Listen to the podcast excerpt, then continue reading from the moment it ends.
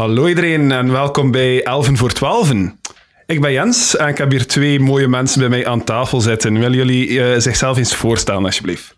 Hallo, ik ben Larissa en uh, normaal gezien speel ik uh, Eileen, de half-elf klerk, in Elven voor Twaalfen. En ik ben Nick en ik speel eigenlijk al het kwade en het goede binnen in de Caludron. Ja, jij bent onze Dungeon Master. Ja, klopt. Uh, ik vond het ook belangrijk, uh, zeker dat, uh, dat jij er zeker bij was vandaag. Want we, we, gaan, we gaan iets anders doen dan onze normale manier van podcasten. Hè? Um, dat had ik al meteen door. Het moment dat jij zei welkom bij 11 voor 12. Ik had zoiets van, triggered, that's my line. ja, Nick is hier echt razend naar mij aan het kijken intussen. Nee, het is oké. Okay. Je gaat gewoon dood in de volgende aflevering. Ja, dat is een spoiler voor seizoen 6, maar die komt niet, dat komt niet aan bod vandaag. Uh, nee, waarom zitten wij hier eigenlijk vandaag? Um, het is eigenlijk vrij simpel. We hebben al een heel, heel, heel lang verhaal opgenomen. Dat is ook een heel mooi verhaal tot nu toe. Maar voor mensen die er net nieuw instappen, kan dat misschien een beetje intimiderend zijn. Hè? Dat we al zo'n lange podcast hebben, dat dat, ik denk, al tegen de honderdtal afleveringen zijn nu om, om ons verhaal nog volledig mee te volgen. Um, en daarom hebben we er ook een beetje voor gekozen om te proberen om een recap te maken per seizoen. En wat dat jullie nu horen, heb misschien al gezien aan de titel, is de recap van seizoen 1. Die, uh, die ik heb samengesteld en die we dus vandaag zullen opnemen samen met Nick en Larissa. West-Vlaamse helft van de podcast represent. Ja, inderdaad. ik denk dat de seizoen 2 en 3 door de Oost-Vlaamse helft zal gerepresent worden. En uh, ja, 4 en 5 doen jullie. Uh, dus ja, jullie kunnen nog zelf kiezen met wie dat jullie dat willen opnemen. Hè. Maar misschien moeten we het eerst keer hebben over het feit... Um, wat is eigenlijk het ideale voor mensen om te doen? De recaps beluisteren of naar de seizoenen zelf? Als je nog totaal geen kennis hebt van 11 voor 12. De seizoenen zelf beluisteren ja, persoonlijk ben ik daar ook voorstander van, maar opnieuw, dat is, eh, dat is heel veel content. Eh, heel veel content moeten we ook in gedachten houden en dat kan heel intimiderend zijn. En een van de redenen ook dat we dit doen, is um, ook wel een beetje omdat er een gegeven punt was in onze opnames dat, uh, dat de opnamekwaliteit of de geluidskwaliteit er ook een beetje op achteruit gaan is. Laten we daar eerlijk over zijn. Er is een punt waar we daar even mee gesukkeld hebben. Op dit, nee, nu, sta, nu staat dat weer goed. Nu hebben we heel heldere opnames en zo. We hebben ook wel heel veel geleerd uit de vorige seizoenen. Maar uh, ja, er is wel een punt geweest, en we zien dat ook wel een beetje aan de cijfers helaas, dat we merken van, oei, de, de geluidskwaliteit gaat er een beetje op achteruit, er wordt ook minder naar geluisterd. En dat is ook een van de redenen dat we die recaps wilden maken. Maar we hebben nog altijd fun als we opnemen natuurlijk. Dat, dat mogen we zeker niet vergeten. We doen het niet alleen voor de cijfers, Jens. We hebben dat altijd van in het begin gezegd. Het is leuk als die cijfers omhoog gaan, absoluut. Mm. Maar het belangrijkste is dat we een leuk verhaal... Uh, ja, doormaken. Hè? Ja, inderdaad. En net omdat we eigenlijk al zo'n leuk verhaal hebben kunnen neerzetten, vonden we ook dat het belangrijk was dat mensen de kans kregen om, om dat te, kunnen ervaren zoals dat ze zelf willen. Is het nu een recap of is naar de seizoenen zelf luisteren? Elke luisteraar is uiteraard welkom. Maar we hebben een heel mooi verhaal neergezet tot nu toe. En als eh, als een van de spelers, dus ik maak het verhaal zelf niet, vind ik wel dat ik kan zeggen dat ik dit een van de toch een van de betere fantasy-verhalen vind. Zeker op Belgisch vlak vind ik het een van de sterkste fantasy-verhalen dat wel in neergezet. Ik zie Nick van Neekle, maar hoe sta jij daar tegenover, Larissa? Ik vind van wel. Je moet niet blozen, Nick. Ik weet, dat is moeilijk om dat te zeggen over iets dat je zelf geschreven hebt. Hè? Maar uh, zoals dat de mensen ook wel zullen horen in deze afleveringen, of dat ze het verhaal nu al kennen of niet, er wordt ook wel van begin af aan heel veel geïntroduceerd dat eigenlijk uh, pas seizoenen later tot uiting komt. Maar dat je toch al heel veel zaadjes geplant hebt heel in het begin voor zaken die later heel belangrijk zouden worden.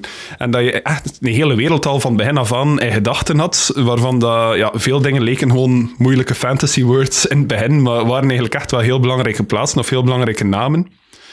Um, maar goed, we zijn een beetje... Uh, ja, laten we van eerst beginnen met ons verhaal te vertellen. Hè? En dat verhaal begint bij onze eerste aflevering, Kinders en Katrollen. Uh, we hebben dat opgenomen, weten jullie nog, in de studio van De Krook in Gent.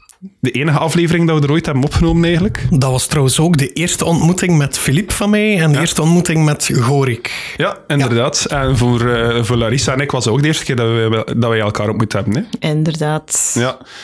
En voor mij was het ook de eerste keer dat ik niks zijn ware aard te zien kreeg. Die kende ik al. maar inderdaad, we hebben al een paar namen gezegd, maar uh, laat ons eerst keer opzommen wie dat er daar allemaal rond de micro zat bij ons. Hè. Want dus, ja, jij Nick, die onze Dungeon Master was. Uh, ik was Tonk. Ik was een tortel op dat moment. Ik had nog geen klas. Uh, niemand van ons had een klasse op dat punt, want we zijn die sessie gestart als kinderen. Dan hoor ik die Go speelde, een uh. Larissa, hij speelde Eileen. Half elf. Juist, hè. En Philippe was Dietmar, die zichzelf dan nog omschreef in de eerste aflevering. Weet jullie dan nog welke naam dat hij zichzelf gaf? Geen idee. Hij had zichzelf een achternaam gegeven. Dat was Dietmar van Varkenland. Had hij zichzelf genoemd. Iets dat nooit meer teruggekeerd is, eigenlijk. Ik heb daar ook meteen duiding bij. Uh, de naam die daarna kwam, ja. van Kronhoven, ja, van Kronhoven heeft ja. hij toen gekregen. Uh, eens dat hij geadopteerd werd. Daar komen we straks nog toe. Ja, ja. Nee? Maar dus Van Valkenland was inderdaad iets wat Dietmar zelf had, of Philippe zelf had bedacht. Mm -hmm. En uh, die, uh, ja, die had dat waarschijnlijk zichzelf zo gegeven al in het in het, uh, in het weeshuis waar ze opgroeiden natuurlijk. Ja, die vond zichzelf al, meteen... al heel heroïs. Wat dat we later zullen merken dat niet altijd het geval is.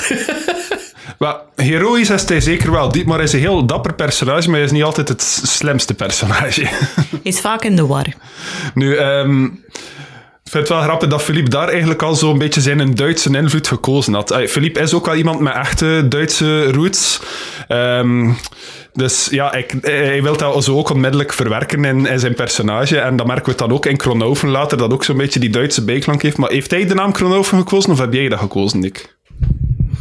Kronoven is bedacht deels door een generator en deels door mij. Oké. Okay. Dus ik heb het gewoon een beetje aangepast. Het was eerst iets, uh, wat was het, kronachen of iets dergelijks.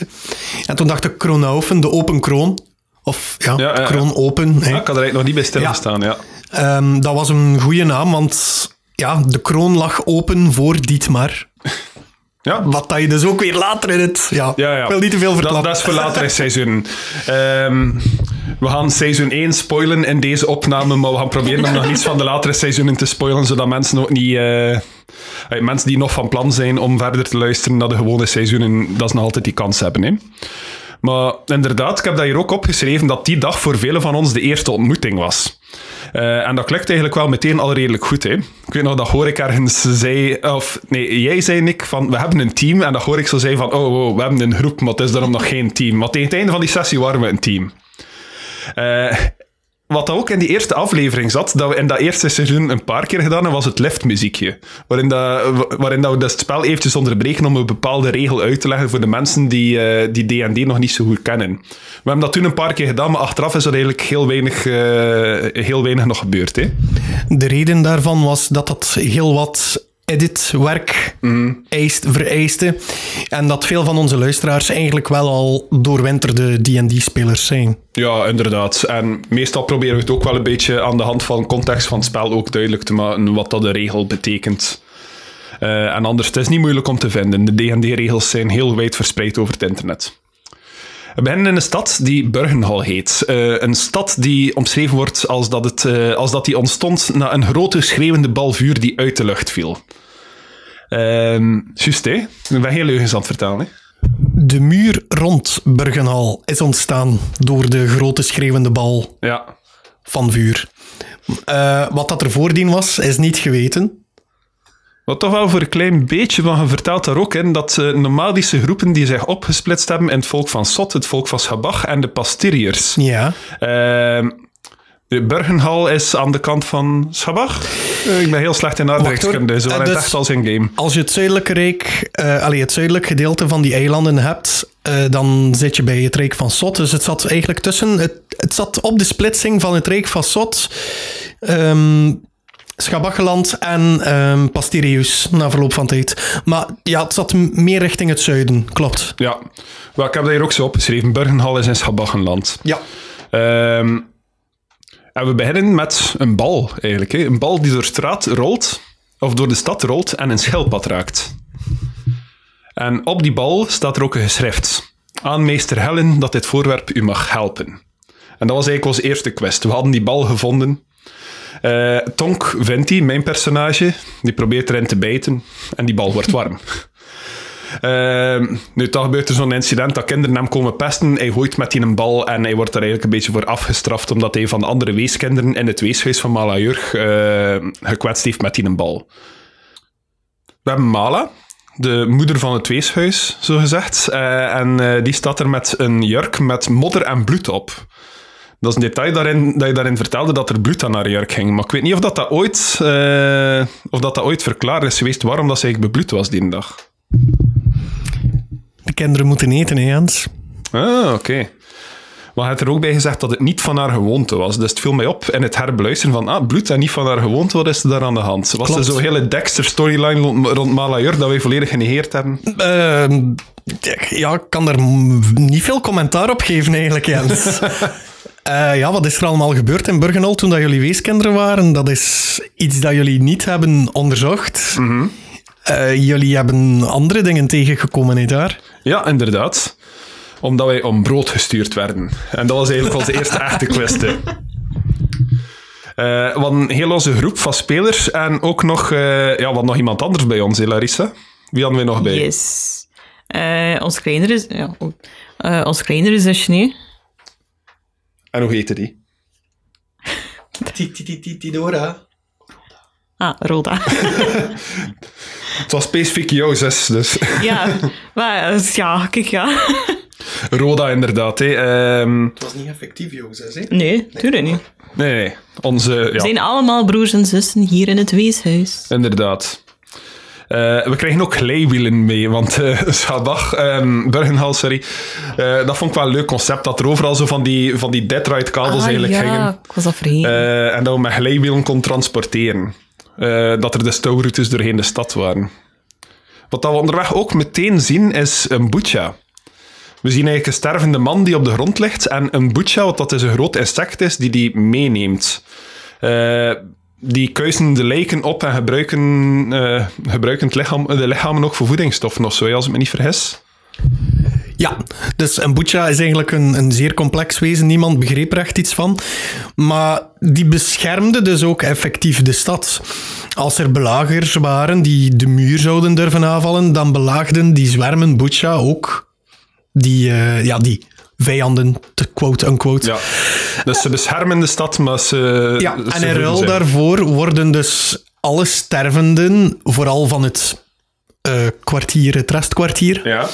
uh, gegeven aan de boetjas, zodat die voedingsstoffen hebben om hun larven groot te brengen, maar ook om hun korven dus de, de korven waarin ze leefden, mm -hmm. um, te versterken met een pasta gemaakt van de botten van de lijken. Oh, ik wist niet dat dat zo specifiek ja, benoemd werd ja, in de aflevering. Ja, nee, dat werd niet zo, okay. maar bij deze is dat een extra weetje dat jullie er nu bij krijgen. Ja, zoals, dat, zoals dat jullie misschien al zo zullen merken doorheen de recaps of de afleveringen zelf, onze Dungeon Master heeft nogal een ding met insecten. Die komen wel een paar keer uh, naar voren in de EVT-campagne. Maar dus ja, die Butcha die steekt die angel door die mens en die heft die op om die mee te nemen om dus blijkbaar een pasta van de botten te gaan maken. Heel toffe wezens, ding. We staan dan ook nog een tijdje te discussiëren over welke kabel dat we zouden nemen richting Marktplaats om brood of richting de toren van de meesters om die een bal af te geven. Want Tonk heeft verteld over die een bal.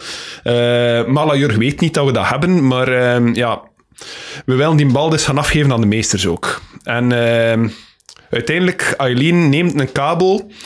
Uh, neem een van die kabelbaan en halverwege, ik weet niet of dat je dat nog weet, maar zat je vast. Hè? Heb je daar echt gewoon boven de marktplaats of whatever gehangen aan, aan jouw kabel en kon je niet weg. Ah, mijn eerste trauma. Ja. Maar je bent dan wel gered geweest door jouw zwevende broer Ho. Want yes. hij, heeft, hij is een airgenazie, hij kan leviteren, hij kan zweven en uh, hij heeft jou daar gered. Uiteindelijk gaat heel de groep ook meer richting de toren, waar dat er wachters staan die de party niet willen binnenlaten. En daar zijn we eigenlijk aan het, aan het einde van de eerste aflevering, toen dat wij voor die wachters stonden. En wat ik je ook nog heb opgeschreven, mijn laatste zin is, uh, daar eindigt sessie 1. Met ook een van de weinige keren dat we effectief promotie gemaakt hebben voor onze sociale media. Want uh, wij, wij, zijn fantastisch goed in zo afspraken vastleggen van ja, we gaan dat en dat en dat doen aan het einde van de aflevering en dan vergeten we dat het een dat zover is. De laatste tijd zijn we dat wel beter in geworden, heb ik de indruk. Maar uh, we zijn wel uh, enige keer vergeten. We doen ons best. We doen ons best, voilà, het is dat. Het gaat ons uiteindelijk vooral om D&D te kunnen spelen en ons verhaal opnemen. Sociale media en zo, dat is heel leuk, maar dat is bijkomstig. Maar dan gaan we meteen over naar aflevering 2. Weet iemand de naam nog van de tweede aflevering? Het is met een O. Ja, alle afleveringen hebben ook de titels van alliteraties. Hè? Dus, uh, Dungeons and Dragons. Voilà, zoals Dungeons and Dragons, zoals Kinders en Katrollen en zoals onze tweede aflevering Orks en Onderhandelen. Ah, juist. Oh, dat is met de eerste ontmoeting er zullen, er zullen een paar eerste ontmoetingen in zitten. Maar van iemand dat we nog heel vaak gaan terugzien. Ja, ja. inderdaad. Oké, sorry. Um, een van de eerste dingen dat we, dat we merken... Ja, een van die dwarfs... Uh, een van die guards die daar staat liever, is een dwarf, een dwerg. En welke taal spreken dwergen in de Calidron? Leocesisch. Welke taal die wij allemaal kennen, spreken de dwergen in de Calidron? West-Vlaams. West-Vlaams, voilà. En dat, dat gebeurt al van de eerste keer. En ik moet zeggen, Nick, eh, ik ben zelf ook Dungeon Master. De luisteraars weten dat misschien ook niet allemaal, maar uh, in mijn campagnes, sedert dat we EVT spelen, dwergen spreken West-Vlaams. Dat is nu een regel gewoon. Zalig, daar ga ik voor. en uh, we doen in aflevering 2 eigenlijk ook iets dat eigenlijk altijd wordt afgeraden in D&D. Wat mag je als party zeker niet doen? Uh, splitten. Splitten, inderdaad. Maar de party splitst. Eileen en Roda uh, gaan naar de markt en worden achteraf gevolgd door Go, die het spelletje ook een beetje beu is. En uh, Tonka en Dietmar die gaan naar een andere poort in de hoop dat de bewakers hen daar wel gaan proberen, wel gaan willen doorlaten. Ze tonen die bal ook aan die guard met die boodschap erop. Maar die guard zegt, ja, het is speelgoed en hij kaatst dat weg. ja, Tonk en Dietmar gaan achter die bal die aan het wegkaatsen is. En ze horen het geluid van een muziekinstrument, van een luid. Eigenlijk een van de meest klassieke instrumenten dat je kan hebben in D&D, een klassiek bard-instrument. Uh, ik had ook bouzouki kunnen zeggen, maar niemand ging ter weten wat dat een bouzouki is. Ik weet nog altijd niet wat dat, dat is. Voilà, bij deze. Luid. Wat is, een bouzouki? Ik wil het nu wel Het lijkt op een luid. Oké. Normaal gezien een Griekse gitaar, dacht ik? Uh, ja, iets in... Ja, Grieks of Turks? Ik ben nu zelf niet zeker. Even opzoeken. Ik kom net uit Griekenland, maar ik heb daar geen bezoekjes gezien, voor zover ik weet. Uh, maar Ho, Eileen en Roda die horen ook diezelfde luid. En we gaan allemaal diezelfde richting uit. En we moeten ook een wisdom saving throw doen, omdat het blijkbaar een hypnotiserend lied of zo is. En het is ook een song of rest. Dus iedereen die betoverd werd, kreeg ook de hitpoints die ze al verloren hadden terug. Er zit daar een bard en die maakt zijn nummer af. En er stapt iemand op af die we, um, die we later ook nog zouden ontmoeten. Een groen kereltje die luid wil overkopen voor 5 gold. Maar die Bart die weigert. Dat groen kereltje is een ork of half-ork zeker? Als ik me niet vergis, was dat een half-ork ja. ook. En ja, dat is dus uh, een personage waar wij een serieuze haat voor zouden koesteren. Vooral Tonk. Vooral Tonk, ja. En Dietmar heeft die jongen een duw. En die zegt heel kwaad, niemand vernedert... Charles. Charles. Fucking Charles. Dat draait ook uit op ons eerste combat eigenlijk. Hè? Ja. Charlie die onmiddellijk aanvalt en heel de party vecht eigenlijk tegen hem. Uh, Tonk kloot zijn wang open, waardoor dat hij een litteken heeft voor de rest van zijn leven. Uh, en de Bart die neemt ons mee, samen met de bal, die hij gevonden heeft blijkbaar. En die Bart is niemand minder dan onze geliefde... Tididum. Ja, maar zijn naam is niet Tididum, zijn naam is... Carlos. Carlos. Tididum. Yes. Um, Carlos die geeft ons ook die bal terug. En daar, gebeurt er, uh, daar wordt er ook voor de eerste keer een mechanic gebruikt die Tonk nog vaak zou gebruiken, want Tonk heeft geen zakken. Tonk heeft slijmerige kwartieren. ik heb dat toen een beetje zo verzonnen van hij, trekt zijn hand terug en heeft like, een slijmerige ruimte ergens van binnen dat functioneert als zijn pockets en Nick heeft dat toegestaan. Dus. En in seizoen 6 komt er daar nog een staartje aan. Uh, ja, maar uh, we gaan nog geen spoilers geven voor seizoen 6. I know! maar intussen heb ik daar al zodanig veel shit in gestoken dat ik like, gewoon bags of holding in mijn leven heb, denk ik. Het komt ongeveer daarop neer. Ja, maar iedereen weet dat encumbrance in D&D de meest flowe mechanic is ever, dus fuck dat. Um, maar dus ja, de, de, eerste keer dat we het slijmerig kwartier gebruiken. Wat dat ook later dan een uh, naam zou zijn dat we zouden geven aan een video die op ons YouTube-kanaal staat. Gaan we daar niet meer over spreken, alsjeblieft? We hebben daar redelijk wat mensen mee getraumatiseerd. Inclusief onszelf. Ja. Eh, maar Carlos die heeft ons dus vijf opdrachten. We moeten eh, vijf dingen verzamelen voor hem. Of eigenlijk vier dingen, want vijfde zou pas later duidelijk worden. Maar de dingen die hij ons liet verzamelen... Is er iemand van jullie dat nog weet, wat dat onze quest was? Het kwam er eigenlijk op neer dat jullie voorbereid waren op iets. Hè? Ja, Als je inderdaad. kijkt naar wat dat hij jullie allemaal liet verzamelen, wapens, Een wapen, inderdaad. eh, het lied... Wacht, nee, antl- nou, het lied van de krekel? dat is wat we uiteindelijk verzameld hebben, maar hij vroeg dus ingrediënten voor de slaapmiddel. Ja. Eh, een hond en vijf gold pieces. Je moest een hond verzamelen. Ja, we moesten een hond verzamelen. Waar zat ik met mijn gedachten? We kregen geen verdere tips, we moesten zelf creatief redeneren. Nu, de, de bedoeling bij die sessie ook, en de reden dat we ook classless gespeeld zijn, was dat jij ook een beetje wou zien hoe dat onze personages zullen reageren op bepaalde situaties, zodat, zodat je ons een klas kon assignen uiteindelijk. Hè. Eh, en dat kwam hier heel hard van toepassing, hè, dat jij kon zien hoe dat wij al die dingen zouden proberen te verzamelen. Eh, nu, Roda bekent dan ook dat de Mala Jurg haar regelmatig meenam naar de markt, zodat zij zo kunnen stelen van mensen. Dat ze eigenlijk wel talenten had als een pickpocket. En zij kon hout voorzien voor ons. Ze kruipt onder de doeken van een marktkramer en Eileen zorgt voor afleiding. En die marktkramer zou ook uiteindelijk nog een belangrijk personage worden in onze campaign.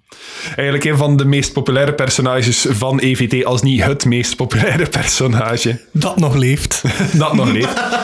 En hoe heet die fijne man? Lumbak, als ik me niet vergis. Lumbak Tusk? Ja. Ik weet niet of dat hij toen al een achternaam had, maar als hij is Lumbak. Toen nog niet. Dat is er later bij gekomen. Ja. Had ik gezegd van oké, die twee moeten gerelateerd worden Ja, aan ja. elkaar. Eh, maar Lumbak, ja, tegenwoordig, als we hem tegenkomen, verloopt hij al, eh, verkoopt hij altijd producten met een, die beginnen met een K. Like kleedjes, koffiekannen, eh, ik weet niet wat dat hij nog allemaal verkocht heeft, kristallen. Kastanjes. Kastanjes, voilà. Kruisbogen. Ja, maar in die tijd deed hij dat eigenlijk nog niet. Verkocht hij een beetje van al. Hij verkocht wel kleedjes, maar hij verkocht ook tapijten en zo. Hij verkocht stof, eh, dierenhuiden en pelzen. Maar de kleedjes waren er wel al, dus er zat wel al een K-product in. Maar Eileen is dus zodanig met hem aan het praten en eh, dat zorgt ervoor dat Roda uiteindelijk wel zes gold pieces kan stelen. Ik heb hier ook geschreven, Tonk en de Boys zoeken naar iets dat slaapverwekkend is. Ik vind Tonk en de Boys wel een mooie naam voor onze party eigenlijk. Eh, maar dus, we zijn op zoek naar iets dat slaapverwekkend is. En we gaan naar een bloemenkraam. Nu, het gaat wel een beetje mis eh, met de verkoper en we krijgen daar een pot zand van. Achteraf gezien zou ook blijken dat die pot zand alles was dat we nodig hadden, maar wij waren er niet van overtuigd. Eh, dus wij probeerden nog verder. En Ho die steekt hier ook al wat zand in zijn zak, wat dan later ook eh, zijn pocket sand zou worden. Eh, goed afleidingsmanoeuvre, wel creatief gevonden van Ho.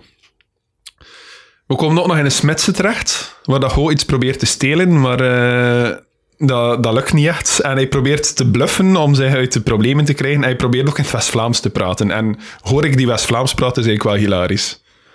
Er was ook een hele genatiediscussie. eh dat, dat een van, eh, voor mij een van de grappigste momenten uit TVT is. Eh luister zeker naar aflevering 2 vanaf rond 54 minuten.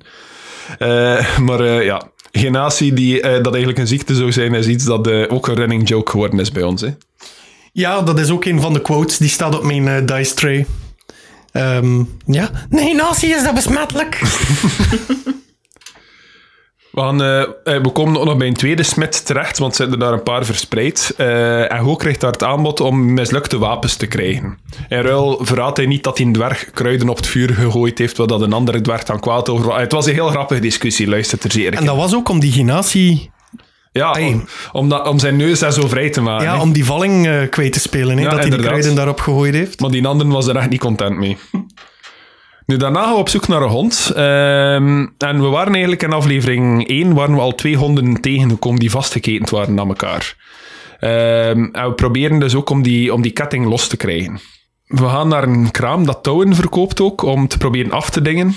Eh, en Ho is overtuigd dat dat touwen van fantastische kwaliteit zijn, maar Tonk rolde een goede perception check en zegt van ja, die touwen zijn bebloed, dat, zijn, dat is gestolen van dode avonturiers of zo, dat is eigenlijk tweedehands brol je ons aan het verkopen bent. En we dreigen eigenlijk om dat heel de markt te vertellen, en daardoor kunnen we toch een fikse korting krijgen, of zelfs ons touw gratis krijgen, ik weet het niet meer. Maar daar eindigt al onze tweede aflevering. En dan hadden we nog één aflevering in onze kindertijd.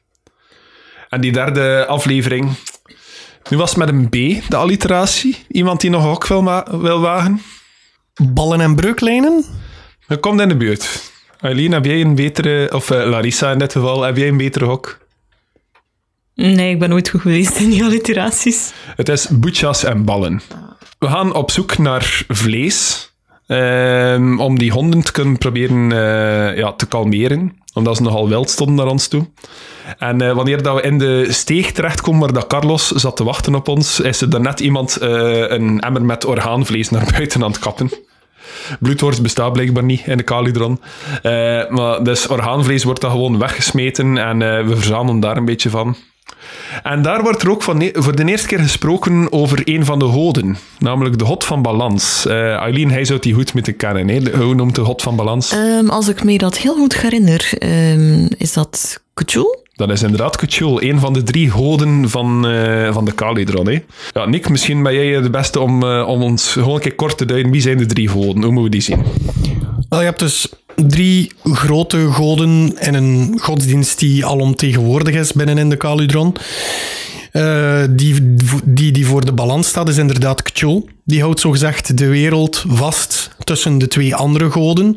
Eén daarvan staat voor alles wat slecht en dood is. De andere staat voor alles wat leven en goed is. Die die voor eh, leven en eh, goed is, dat is Tsar. Dat is een, een ja, denk een gigantische minotaurus. Cthulhu is dan meer een kikkerachtig wezen met de tentakels op zijn rug. Als je er een monster op zou eh, baseren, dan zou de tekst komen bij de Froghemoth. Oké. Of de Froghemoth. Afhankelijk van hoe dat je het zegt. En dan onze, onze slechte doodgod, eh, dat is ehm Sot. Ja, inderdaad. Dat zijn de drie main gods van ons Ja. universum. Maar mag ik daar zelf eigenlijk nog een vraag bij stellen? Doe maar. Want als, als tonk heb ik dus mijn patron, dat, dat Gaunt is, die eigenlijk ook een, een hotwezen is in, eh, in de D&D-universe. Maar is hij in de Calidron ook nog altijd een goddelijk wezen, of is het meer een demonische patron, of hoe zie je dat dan? Het is een wezen. En weet je welk, ehm, welke band jij aangaan? Sorry, het is geen band. Ehm, Welke pact welke pact dat Wel- je hebt? Ja, The Great Old One. The Great Old One. En daarmee is eigenlijk alles al bijna gezegd. Ja, dat eigenlijk eh, dus, ja, een, een ancient eh, wezen is dat... nou, Van een, demigod powers of zoiets. van een gigantisch oude religie waarschijnlijk ook. Ja. Maar meer weet je daar nog steeds niet over, zelfs niet in seizoen 6. Nee, wel dat het een schildpadachtig wezen ook is. Hè? Het is iets schelpadachtig. En dat gaat, nog, dat gaat nog allemaal boven water komen, hoe en wat en, en Ja. waarom dat dat zo is. Want hij, hij heeft eigenlijk niet echt iets te maken met de gewone Gaunt uit de D&D-universe, die Nee. weer een god van de craftsman en zo is. Eh, we hebben gewoon die naam geadopteerd eigenlijk om... Ja, Hij heeft wel iets te maken met het smeden, maar niet zozeer het, het, het letterlijke smeden met metaal en hamers kloppen, Mhm. maar het smeden van plannen, het smeden van verhalen, het smeden van chaos, het smeden van... En daarmee zeg ik eigenlijk al te veel. ja een, gaan we stoppen. hij is een plantsmid, oké. Ja. Wel, dus, ja, daar hadden we dus de eerste mention van Cthulhu, die eh, later nog vaak ter sprake zou komen. Ehm, ik vind dat trouwens heel goed, dat we in plaats van de 500 goden die er in gewone D&D zijn, dat we er drie hebben bij ons. Ehm Eileen doet nog een poging bij het bloemenkraam. En je koopt daar iets dat er net inderdaad al vermeld geweest is, het lied van de krekel. Wat dat gewoon een krekel in een bokaal was eigenlijk. Ho, die, vindt nog een manier eh, met zowel het touw, de organen en zijn messen om... eh, om iets te doen met die honden, maar die beginnen te vechten met elkaar uiteindelijk. En er was één oude en één jonge hond en die oude hond sterft. Ehm intussen proberen we om, eh, om die jonge hond te bevrijden. Eigenlijk, Ho probeert die, die ketting te lossen en Tonk is die mond aan het toehouden. Maar tegelijk, er ligt daar een dood wezen, dus wat gebeurt er? Het is een vraag aan jullie. Wat gebeurt er met een dood wezen dat daar ligt? Alleen? Larissa, weet je het niet meer? Wat gebeurt er in Burgenal met dode wezens? Ja, nu dat je het zo zegt, ja, nu komt het er zo allemaal terug. Zit ook een beetje in de titel van de aflevering. Ja, ehm, waarschijnlijk gaat er, een, gaat er eh, een boetja, of misschien met meerdere boetjas, eh, de dode hond komen halen. Ja, er was inderdaad een butcha die de dode hond aan het optellen was, maar die was nog vastgeketend aan de levende hond. Dus dat was een hele struggle, terwijl dat we het eigenlijk gewoon moesten visualiseren dat we die ketting heel makkelijk konden lossen. maar uiteindelijk hadden we een hond. Uh, wat dat er ook voor zorgt dat we onze vier opdrachten completed hebben. We hebben de hond, we hebben de wapen, we hebben onze goldstukken en we hebben iets dat mensen in slaap kan brengen. En we gaan terug naar onze goede vriend Carlos. Die plots heel anders klinkt qua stem en intonatie. Uh, en hij kijkt in een spiegel dat hij vast heeft en hij wordt terug de oude. Uh, die spiegel zou ook nog heel belangrijk worden. Nee, uh, intussen kennen we die als het oog van de leegte.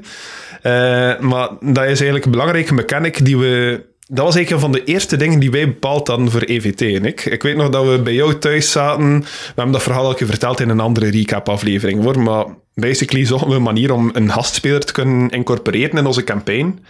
En uh, de schizofrene Bart die elke keer in de spiegel kijkt en van persoonlijkheid verandert, was daarvoor een ideale mechanic. En vind ik nog altijd een van de leukste insteken dat wij hebben bij EVT. Uh, eh, maar daar was je daar al een beetje naar aan het hinten. Maar die aflevering is eigenlijk de enige die we zonder gastspeler ooit gedaan hebben. Hè? Of die sessie?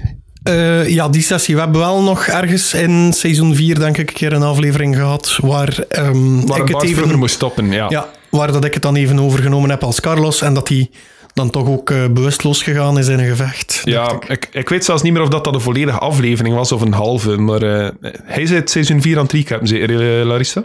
Ja. En ben je al aan dat punt gekomen? Dus dat is nog niet gebeurd. Ah ja, oké. ja. Ik weet dat zo dat die Minecart-aflevering was ergens, uh, maar daarmee zijn we al te veel aan het weggeven. Dus, uh,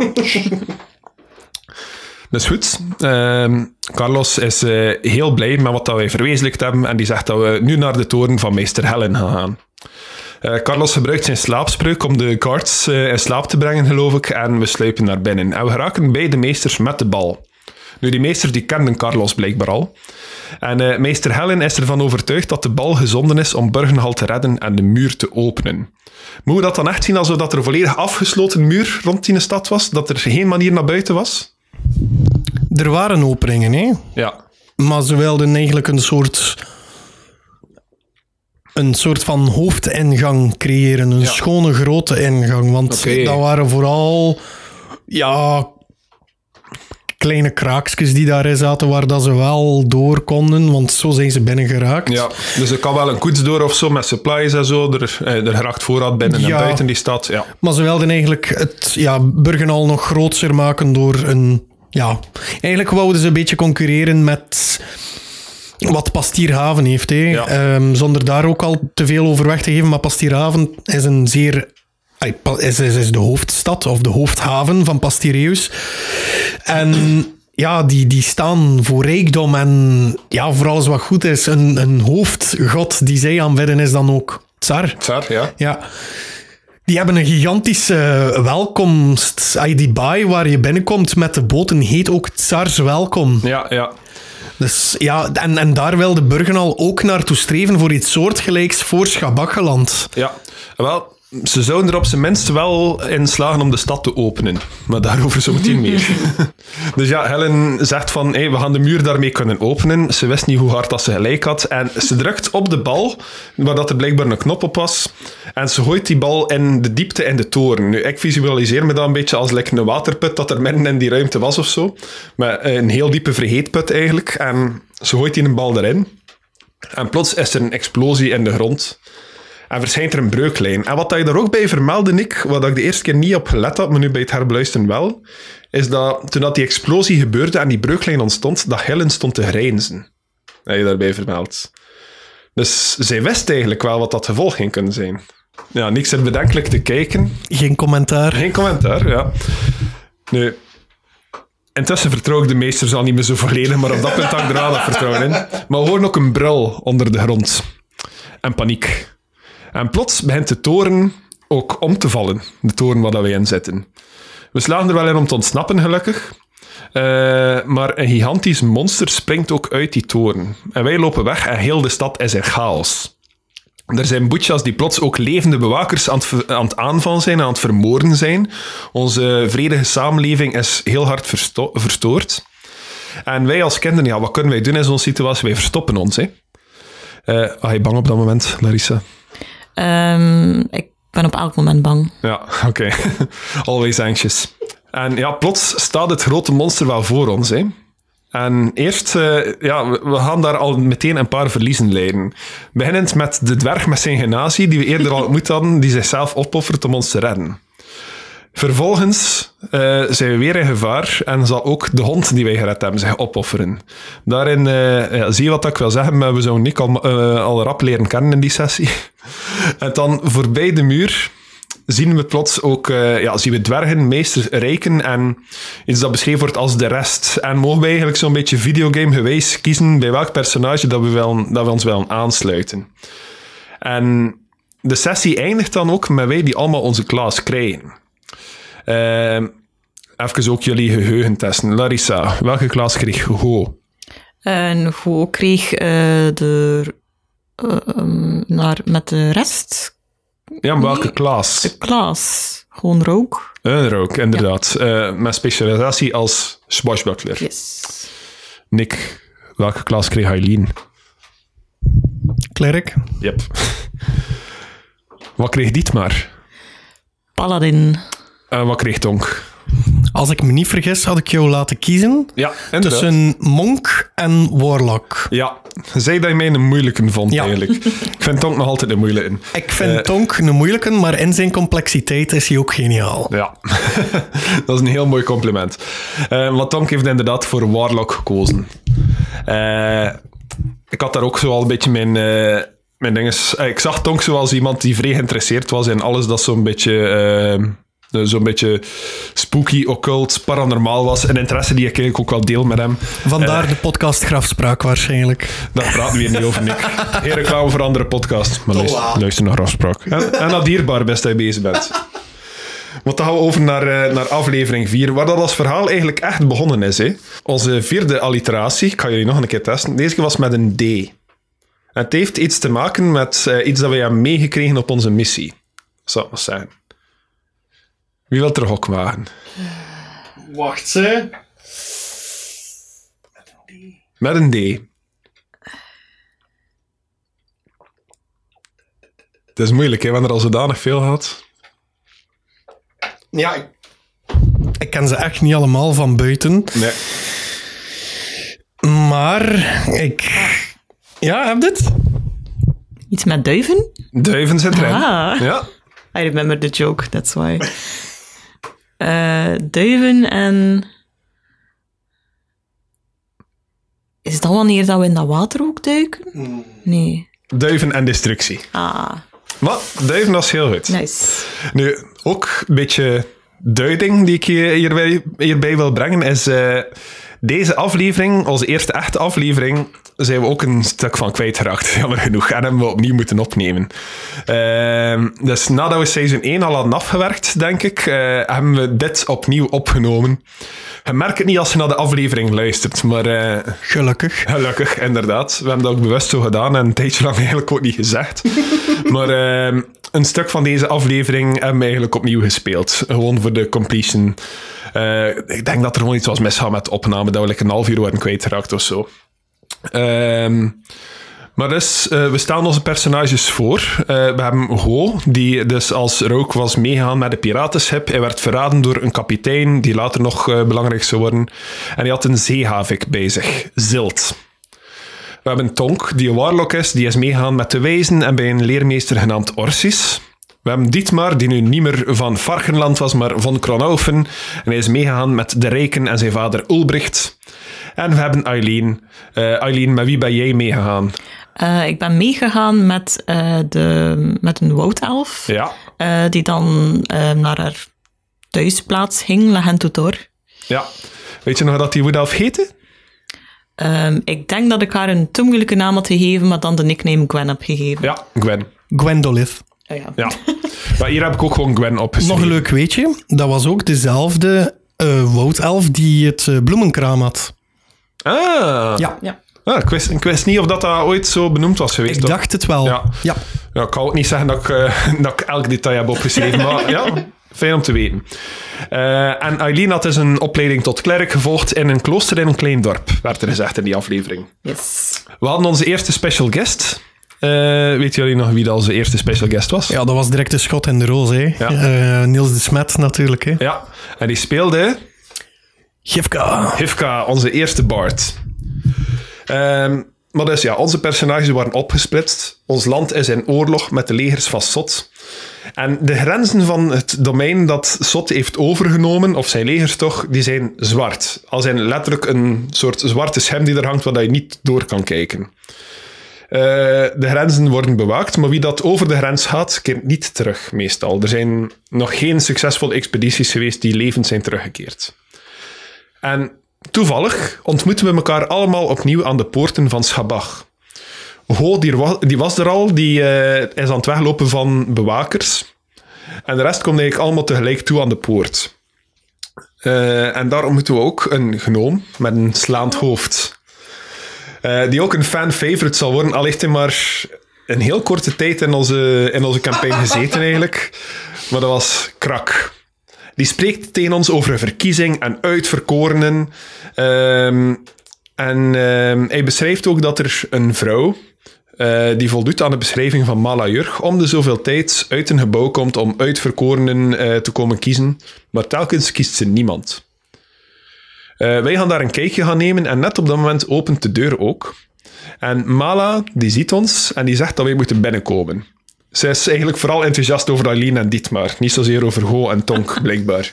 Nee, ik omschrijf hier wel dat dat toevallig was dat we elkaar allemaal ontmoeten, eh, maar eh, er wordt daarin ook ergens gezegd dat er... Maar was het een, een of andere tovenaar die ons had gezegd van als de twee ogen van Sot aan de lucht staan, wat dat, dat zijn de twee manen zeker?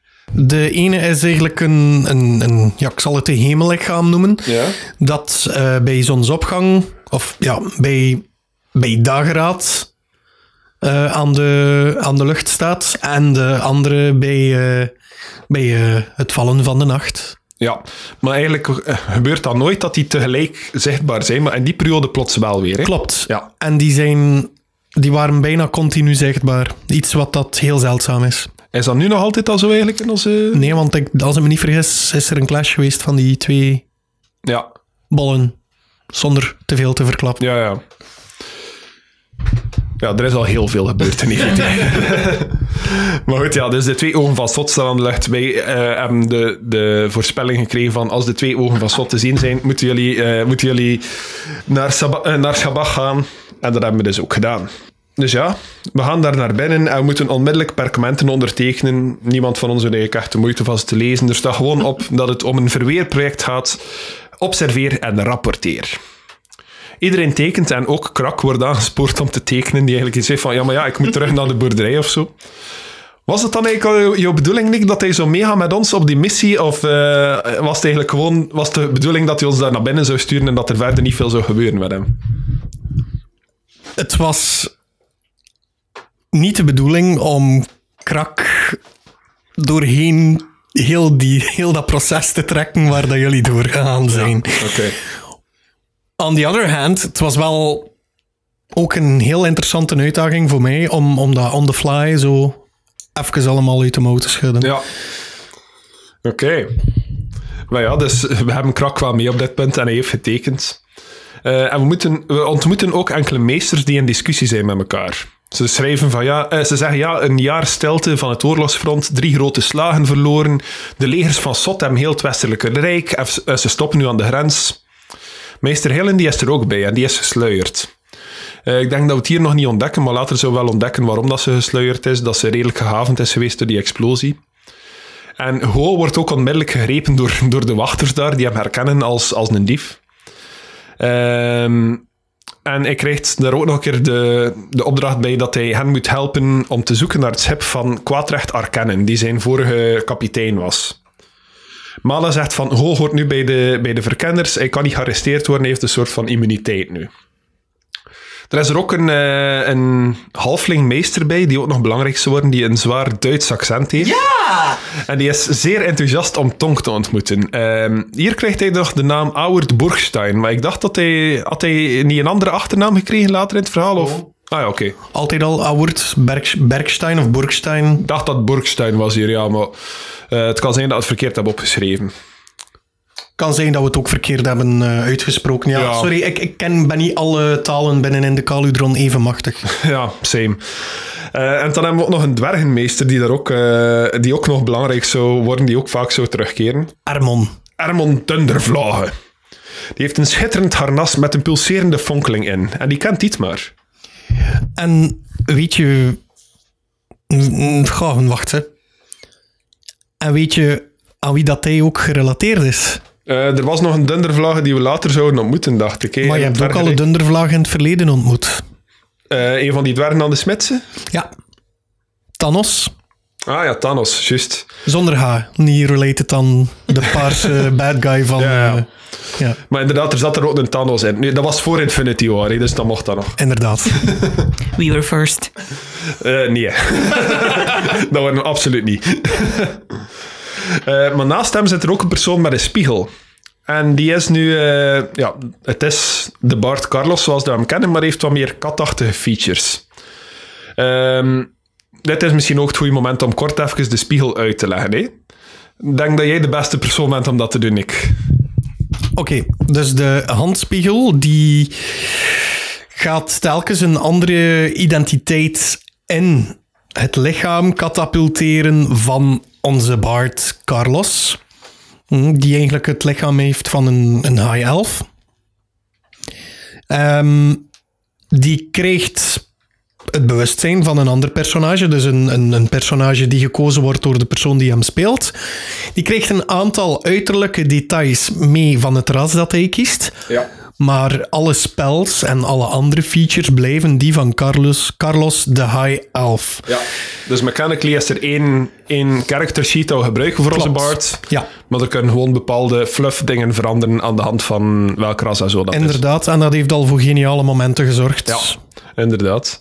Nu, ik weet niet of dat, dat al ooit duidelijk benoemd is geweest in ons avontuur, maar is, is Carlos eigenlijk echt het originele lichaam? Of eh, is er misschien nog een originele persoonlijkheid dat we niet kennen? Er zijn heel veel personen in het personage die jullie nog niet kennen. Ja, tuurlijk. Maar ehm, het, het, het uiterlijk is van het personage die binnen de Kaludron op jullie tijdlijn, en dan zeg ik al heel veel, maar op jullie tijdlijn binnen de Kaludron in de spiegel heeft gekeken toen hij hem vond. Ja. Zijde mee. Zijde mee. Ja, Ja, dus ik veronderstel dat dat dan effectief Carlos is. dat is effectief Carlos. Ja. Want Carlos, dat zal later duidelijk worden, is ook gekend bij een aantal eh, personages binnen in de Kaludron. Ja, dat is waar. We moeten die misschien een keer vaker vermelden wanneer dat Bart. Zo, misschien zijn er wel nog een paar die, die zijn naam zouden kennen. Nu, we zijn al zes seizoenen bezig, maar die spiegel hebben we altijd niet grondig uitgezocht. Ooit gaan we een keer werk van maken, vermoed ik. Maar dus, deze keer zit Hifka in het lichaam. En die is de koninklijke adviseur van de verlichte despoot, de koning van, van de tabaxi. Larissa, hoe heet die koning? Was dat koning Miauwtuur? Miauwtuur, inderdaad. Die we al een paar keer ontmoet hebben intussen. En in de live show. Ja, inderdaad. Ehm, maar dat is voor later. De live show was seizoen 2 zelfs, denk ik. Eh, we worden naar een grote kamer gebracht met een landkaart en daar krijgen we onze missie. We moeten een lijn naar het Rijk van Sot volgen, langs Kronaufen, waar dat Dietmar vandaan komt. En we leiden een voedingskaravan langs een paar eh, dorpjes, eh, onder andere Eelkater en Belmo, om die van proviant te voorzien. Daarna is er een grens waar dat geen enkel verkenningsteam van terugkeert. En we moeten, eh, we moeten het doen, maar we hebben de documenten ondertekend, domrekken dat we zijn. Eh, en we krijgen ook drie duiven mee om te lossen op bepaalde punten als signaal dat we nog leven. Eileen die krijgt ook nog een rol perkament mee, waar dat er een zoemende edelsteen in zit. Dat zou ook belangrijk worden later. We krijgen ook nog een soort van eh, een harnas met daarop een zandloper en een sleutellogo. Dat was het logo van de meester, dacht ik. Of van, of van Schabach, of wat is het? Dat is het logo van, ja, van Schabach. En, en ja, het, het logo van de governing force van Schabach. Ja. We hebben dus, eh, wanneer we beginnen aan onze missie, hebben we de optie tussen twee routes. De lange en veilige route of de korte en onveilige route. We weten nog wat dat we gekozen hebben. Hadden jullie niet de korte onveilige genomen? We hebben de korte onveilige ja, genomen. tuurlijk. Het is die en die, ik bedoel. Ehm, we zijn nog maar aan de stadsrand eigenlijk en eh, we hebben nog maar één duif over, dankzij Tonk. Die duiven in de lucht ziet en ze, ze afknalt. Dat, dat is ook een stuk dat we opnieuw hebben moeten opnemen. Jammer genoeg. Ik had dat effectief gedaan in die eerste sessie, maar gewoon zodat nog altijd zou kloppen met wat we in de toekomst doen met die duiven, moest ik zorgen dat er nog maar één duif over was. Uh, en ja, Eileen had het daarnet al over de mop die haar aan de duiven deed denken, maar... ik had er ook ergens iets geïmproviseerd van... Uh, ja, ik doe mijn minor illusion op een van die duiven om die schildje te geven en zo. En nu is het een tortelduif. Want ik ben een tortel. En ik was heel trots op dat mopje. En ja, dat zijn we dan ook kwijtgeraakt in die eerste opname. En de tweede keer dat we dat deden, Nick, ja, heb jij die mop dan afgepakt van mij? En terecht. Het was een goeie. Het was een goeie, ja, inderdaad. maar ik heb je dat vergeven intussen, na, na lang nachtelijk wenen en zo. En uh, we vertrekken met de kar. En uh, weet jullie nog wie dat er onze stuurman was op dat punt? Um, ik denk dat Krak ons het was stuurman krak. was. Ja. ja. We hebben Krak aan dat stuur gezet, die heel nerveus en heel onzeker was en heel graag terug naar zijn boerderij. Maar wij hadden zoiets van, nee, hij gaat sturen voor ons. En we eindigen waar dat, uh, ja, Eileen had dat juist eigenlijk al gezegd, aan water, aan een vijver. Huh? Uh, met Tong die zijn hoofd in het water steekt en een hoop skeletten aan de bodem ziet. En wat er daar ligt, zullen we ontdekken in de volgende 11 voor 12. We gaan dat nu doen. uh, We komen aan aflevering 5. We zitten al halfweg het seizoen. Uh, kan je nog een keer laten hokken wat dat deze keer de alliteratie was. We beginnen met een P nu. Iets met pijn of pijnwater. Pijnwater zit erin, ja. ja. Pijnwater en prestidigidinges? Nee. nee. Paden en pijnwater. Maar pijnwater en prestidigidinges was eigenlijk beter. Hou dat veranderen. uh, We beginnen dus uh, ja, met Dietmar die zijn verhaal vertelt. Want dat, dat, dat hebben we ook gedaan in het begin. Zo af en toe een keer een van de personages zijn achtergrondverhaal laten vertellen in een aflevering. En hier was dat Dietmar zijn beurt. En hij vertelt over zijn jeugd aan het Hof van Kronhoven en over zijn zus Elise, die op avontuur is, maar wiens locatie dat hij niet kent. Um, het gaat er eigenlijk vooral over, over zijn vader Ulrich, Ulbricht, die altijd heel hoge verwachtingen had van hem en zo. En hoe dat hij eigenlijk uh, van jongs af aan gedrild werd als krijger en diplomaat. Uh, zeer interessant om het te beluisteren. Maar dus wij als avonturiers, we zitten nog steeds aan dat water. En we ontdekken dat dat water vrij pijnlijk en vleesetend is. Er zitten minuscule kleine vleesetende visjes in. Uh, maar we zien ook dat er iets blinkt op de bodem. En wij willen het blinkende voorwerp. Dus we doen een soort van manoeuvre met uh, Tonk die op zijn schild uh, door het water waat. En Ho en Krak die op hem zitten. Um, en we gaan Krak laten duiken naar dat blinkende voorwerp. Oh, we hebben van bijna van al zo slecht voor die jongen gezorgd. En het was dan mijn schuld dat hij doodging? Sorry hoor, jongens, jullie hebben het lot getart. Hè? Uh, spoiler, spoiler voor het einde van deze aflevering. We nemen ook allemaal damage wanneer dat we uit het water komen. En krank is... Uh, krank. Krank. krank is zeer, krank is zeer zwaar gehavend. Um, maar dus we vinden wel een ring. Dus het was het wel waard. Um, en Tong steekt die ring weg in zijn uh, slijmerige kwartieren. Die wil heel graag die, die ring proberen te stelen, maar uh, ja, we zullen straks zien hoe dat, dat afloopt. We reizen ook nog een tijdje verder, omdat we weg willen van dat water, want we hebben nog wat daglicht en Krak die ligt te slapen in de kar te bekomen van zijn, van zijn verwondingen. Uh, Hifka die inspecteert de ring en bij dat te doen hoort hij ook een soort gefluister in zijn hoofd over wezens die bullywugs heten. Nu, die nacht zou Dietmar de wacht houden en hoort hij plots ook een diep gekwaak van de richting van de vijver, een paar kilometer verderop. Ho die wil proberen om de ring te stelen van bij Tonk. Maar uh, hij rolt slechts op zijn check blijkbaar en Tonk wordt wakker met een hand die in zijn schild aan tasten is. Uh, Tonk heeft niet echt veel, eh, veel nut aan, aan materiële bezittingen en hij heeft die ring gewoon naar Ho en zegt van laat mij alsjeblieft gewoon slapen. Want dan heeft hij wel heel die nacht lang zijn awakened mind, wat dat ervoor zorgt dat hij eigenlijk kan praten in iemands hoofd, uh, constant gebruikt om een tekstje in Ho zijn hoofd te laten horen, uh, om hem heel die nacht wakker te, te houden. Wat was dat tekstje? Uh, dat tekstje was... Het schijnt dat een deel kwaadaardige pompoenen de wereld gaat proberen te veroveren onder leiding van een banaan die misbruikt is door een eekhoorn op de... Een soort van drugs. Ik dacht... Eh, in het echt gebruik ik altijd ecstasy daarbij, maar ik had dat niet gebruikt hebben in de campagne. Dus een soort van drugs. Die komt uit een transseksueel melkwegstelsel waar dat ze uh, biervaten opstapelen om zot terug te brengen of zoiets. Wat? Dat is, een, dat is een tekstje dat ik heb ingestudeerd in, uh, toen ik 14 jaar was of zo en altijd gebruik. Het is, het is iets vervormd, maar kom. Ik ga het echte tekstje hier niet in de opname zijn. Het is niet, uh, het is niet bruikbaar hiervoor. uh, maar de volgende ochtend is iedereen wel opgeknapt en ze komen in een donkere woud waar dat we een wolvenwelpje ontmoeten diep in het bos met een gewond pootje. Dietmar probeert dat te benaderen, rolt een slechte animal handling check en dat wolfje is bang en loopt weg. Uh, opnieuw, even later, komen we weer een wolfwelpje uh, tegen. Ook met een gewond pootje, een ander pootje deze keer. Uh, eigenlijk hetzelfde scenario. En deze keer jaagt Tonk het per ongeluk weg. Dus we hebben nooit geweten wat dat de bedoeling was daarvan. Maar ik wou dat wel nog een keer vragen naar jou, Nick. Was dat, was dat effectief een val dat je, dat je ons probeerde in te lokken of zo? Er uh, waren een aantal uitkomsten. En afhankelijk van jullie rol ging dat ofwel die kant uit, of die kant uit, of die kant uit. Ja. Maar als jullie het een derde keer gingen tegenkomen, ging het mislopen. In welke zin dan? Je zou de hele pack ontmoeten van de wolfjes. Ja, oké. Okay. Ik dacht Allee, wel dat het zoiets ging zijn. Ja. Maar... En op jullie level, op dat moment, was het eigenlijk gepland als een uh, fatal encounter. Ja, oké. Okay. Maar gelukkig is het zo niet gelopen. Uh, en hebben jullie uh, twee keer het wolfje toch ja, anders kunnen benaderen, zal ik maar zeggen, met de slechte. Of ja, afhankelijk van de rol. Want elke rol, niet elke rol, elke drie rollen had een, een andere uitkomst. Oké. Okay.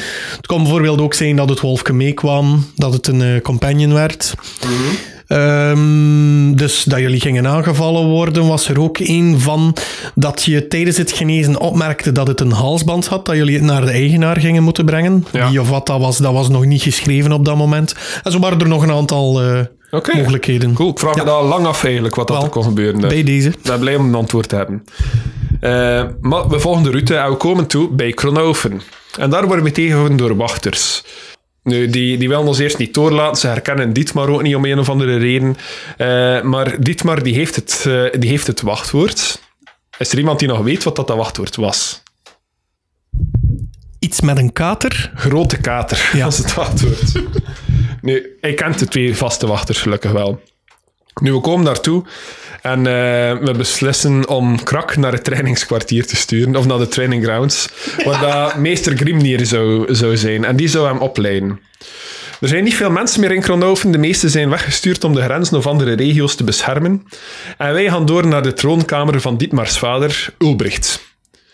Um, nu, Ulbricht heeft niet veel vertrouwen in onze kweesten en ook helemaal niet in Dietmar. Hij zegt van, er hebben er al veel geprobeerd en die hebben allemaal gefaald. Maar we weten hem toch een beetje om te praten. En Dietmar zou uiteindelijk zijn schild krijgen, zijn vaste schild, met, uh, uh, met het stijgerende paard op, het symbool van Kronoven ook. Um, en vader, uh, vader Ulbricht, die, Ulbricht vertelde hem ook over de roekeloze zes van Dietmar, Elise, die ook op avontuur is, maar dat hij niet weet waar. Zoals we in het begin van de aflevering ook al ontdekt hebben. En dat brengt ons ook al tot het einde van aflevering 5. Dus we zitten al in de helft van de recap nu. Zie jullie het nog altijd zitten? Ja, tuurlijk. Hoe zie hij het nog zitten? Absoluut. Oké. Okay. Uh, het valt me nu pas hoeveel notities dat ik eigenlijk gemaakt heb. Maar, Al, Als ik dat ga doen met 20 episodes van seizoen Ja, 5. hou het beknopt, er, zou ik zeggen. Bij seizoen 1 kunnen we een beetje uitgebreid stilstaan bij, bij veel dingen, maar uh, in latere seizoen is dat moeilijker. We gaan uh, verder naar aflevering 6. Hè. En ik zal jullie nog een keer laten hokken. Deze keer is het met een S, de naam. Het heeft te maken met een voorwerp dat altijd mee is met ons op reis. En een voorwerp dat Krak aan het gebruiken was op dat moment. Ah. Spiegels en sikkels of omgekeerd? Uh, Het een helft juist. Spiegels komt erin voor. Ah, hm. Is dat krak altijd mee heeft? Jawel, dat was de sikkel. Ja? Nee, ik zei iets dat Krak aan het gebruiken is en iets dat we altijd mee hebben. Iets dat we altijd mee hebben is de spiegel. Ah, oké. Okay. Is dat krak aan het gebruiken is? Um, stroopop? Ja. Spie Ja, spiegels en yes. stroopoppen. Yes! Maar dus ja, s'nachts... Ah, kijk, onze kat is hier binnen. Uh, s'nachts komen we uit het kasteel. Uh, we hebben kamers toegewezen gekregen. En we gaan uh, Krak gaan vinden. En Krak die is al een hele nacht aan het trainen eigenlijk. Hij heeft uh, ik dacht dat er vijf trainingspoppen stonden en we wilden hem meenemen.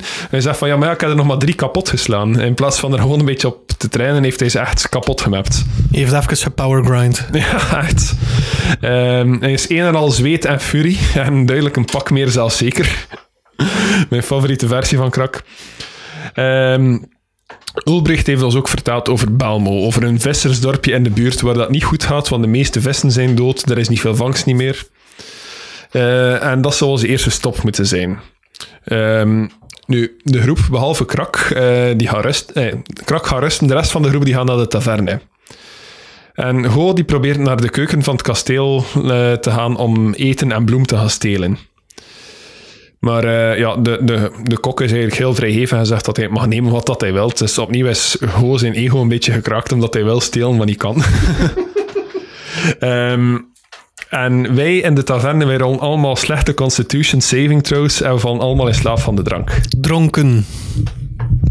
Jullie waren dronken in slaap gevallen, Ja. als ik me niet vergis. Ja, ja, wij waren dronken in slaap gevallen. En de volgende dag had de waard ons ook buiten smijten, omdat we daar nog altijd in de taverne liggen. En we beslissen om naar Belmo te vertrekken. Krak is intussen flink bezig aan zijn vijfde trainingspop. Ehm Hifka die zou in de koets liggen om daar de nacht door te brengen. En wanneer dat we toekomen aan die koets, merken we dat de Bart een andere vorm heeft. En we zien een half elf met ene schoen aan. Eh even terzijde, Tonk heeft de andere schoen opgegeten. Onze tweede Bart, weet er iemand nog wie dat, dat was? Timon? Nee, Was het niet Timon? Timon was in Oh. seizoen 2 pas. Wacht, ze. Weet hij het? Wel, deze keer was het geen kat, maar was het een zweefpoes. Ah, juist. Ja, zweefpoes. Ja. Ja. Maar ga zijn andere naam niet zeggen, hè. Nou ja, hij, hij is online op Twitch en Twitter toch bekend als Zweefpoes. Hij speelde de Bart Tel. Ehm, ja, die zit nu in de kleren van Hifka natuurlijk, eh, met één schoen. Ik denk zo op een gegeven punt dat, hij, eh, dat er gewoon gezegd wordt van, ah ja, je is zijn schoen kwijt. En dat, eh, dat ik er wel zeg van, ja, Tonk is zo nog net een veter aan het opslurpen als spaghetti. maar ja, dus met, eh, met Zweefpoes bij ons rijden we door naar Belmo. Ehm Tel heeft zo'n vage herinnering aan een handspiegel waar dat hij in keek voordat hij in onze wereld terecht kwam. En hij, heeft ook, is ook constant op zoek naar alcohol, meen ik mij te herinneren. Eh Tonk doet iets wat we verder bijna nooit meer gedaan hebben, namelijk de spiegel inspecteren. En daar ontdekken we dat eh, dat een krachtig magisch voorwerp is eh, waar dat het oog van de leegte opgeschreven staat. Eh, we kijken allemaal in de spiegel ook op dat punt. Iets dat we later ook niet meer gedaan hebben. Maar Tel is de enige die er een figuur in ziet. Namelijk een eh, katachtige figuur. Want hij heeft de goede wisdom saving throw gerold. De rest ziet eigenlijk niets in die spiegel. En we komen aan in het dorpje Belmo. Waar dat er een figuur ons zit te bespioneren. En Eileen die achtervolgt die. Eh, en je kwam dan in een huis terecht met die figuur. Eileen, weet je nog wat voor figuur dat, dat was? Ehm goh. Ah. Het Wat zit voor- ver. Wat voor een ras van wezen dat dat zou geweest zijn? Nee, nee. Het was jong en even groot als jou. Dat de grootte van een volwassen mens, maar het was een kind. Was dat ook een elf of een half elf? Nee. Nee, het was Geen een. Goliath. Ah. Een Goliath-kind met zilveren ogen. Die heeft aan Til ook een eh, waarschuwing over een bos. En Aileen zegt dat ze zo'n wezens nog gezien heeft. Dat dat een Goliath-kind is en dat ze dat nog gezien heeft in Lahentidor. Het bos waar dat jij opgegroeid bent. En Yes. onze, onze latere Bart Pip is er eigenlijk ook opgegroeid. Ja. Juist, hè? Maar ik denk niet dat jullie elkaar ooit gekend hebben, nee, voor, eh, voor het avontuur. Sorry, zei je nu latere Bart? Eh, sorry, eh, onze, onze latere partylid. Ja, ja, ja. Maar ja, de, de, de speler van Pip, Lara, zou ook nog een Bart komen spelen. Vandaar mijn, eh, mijn verwarring. Ja. En dat brengt ons al aan aflevering 7. Deze keer is het een alliteratie met een T. Iemand een idee van een T? Een T. Ehm twijfels. Twijfel zit er niet in. Tafels? Nee. Nee, dat weet ik het niet. Tonnen en traumata. Oh, juist. Het Goliath-kind is weggevlucht. Eh, Krak zegt van, ah ja, hier moesten we eigenlijk een duif lossen. Maar we hebben die eigenlijk al lang gelost. en eh, ja, we beslissen eh, van, kijk, we gaan eerst naar het volgende dorp gaan, daar eten gaan afzetten, en dan gaan we terugkeren en de mensen van Belmo meenemen naar Kronhoven. Dietmar, en ik heb dat hier in drukletters gezet, belooft aan een oude vrouw genaamd uh, Rose dat hij hun volk zal komen redden. Nooit beloftes maken. We hebben dat intussen al duizend keer doorgestoken, maar we, we, we hebben ons pas seizoenen later herinnerd dat we dat eigenlijk beloofd hadden. Maar um, goed, ja, we zijn daar in dat dorp. Het is daar een soort van feest s'avonds. En um, wij beslissen van, kijk, we gaan een vat wijn van de kar nemen en besluiten om van die wijn te drinken. Dit maar zegt dat ook met volle overtuiging van, uh, ja, we hebben, we hebben vaten wijn meegekregen, die zijn voor ons. En dan mijn volgende zin is ook in drukletters. Er zit fucking water in de vaten.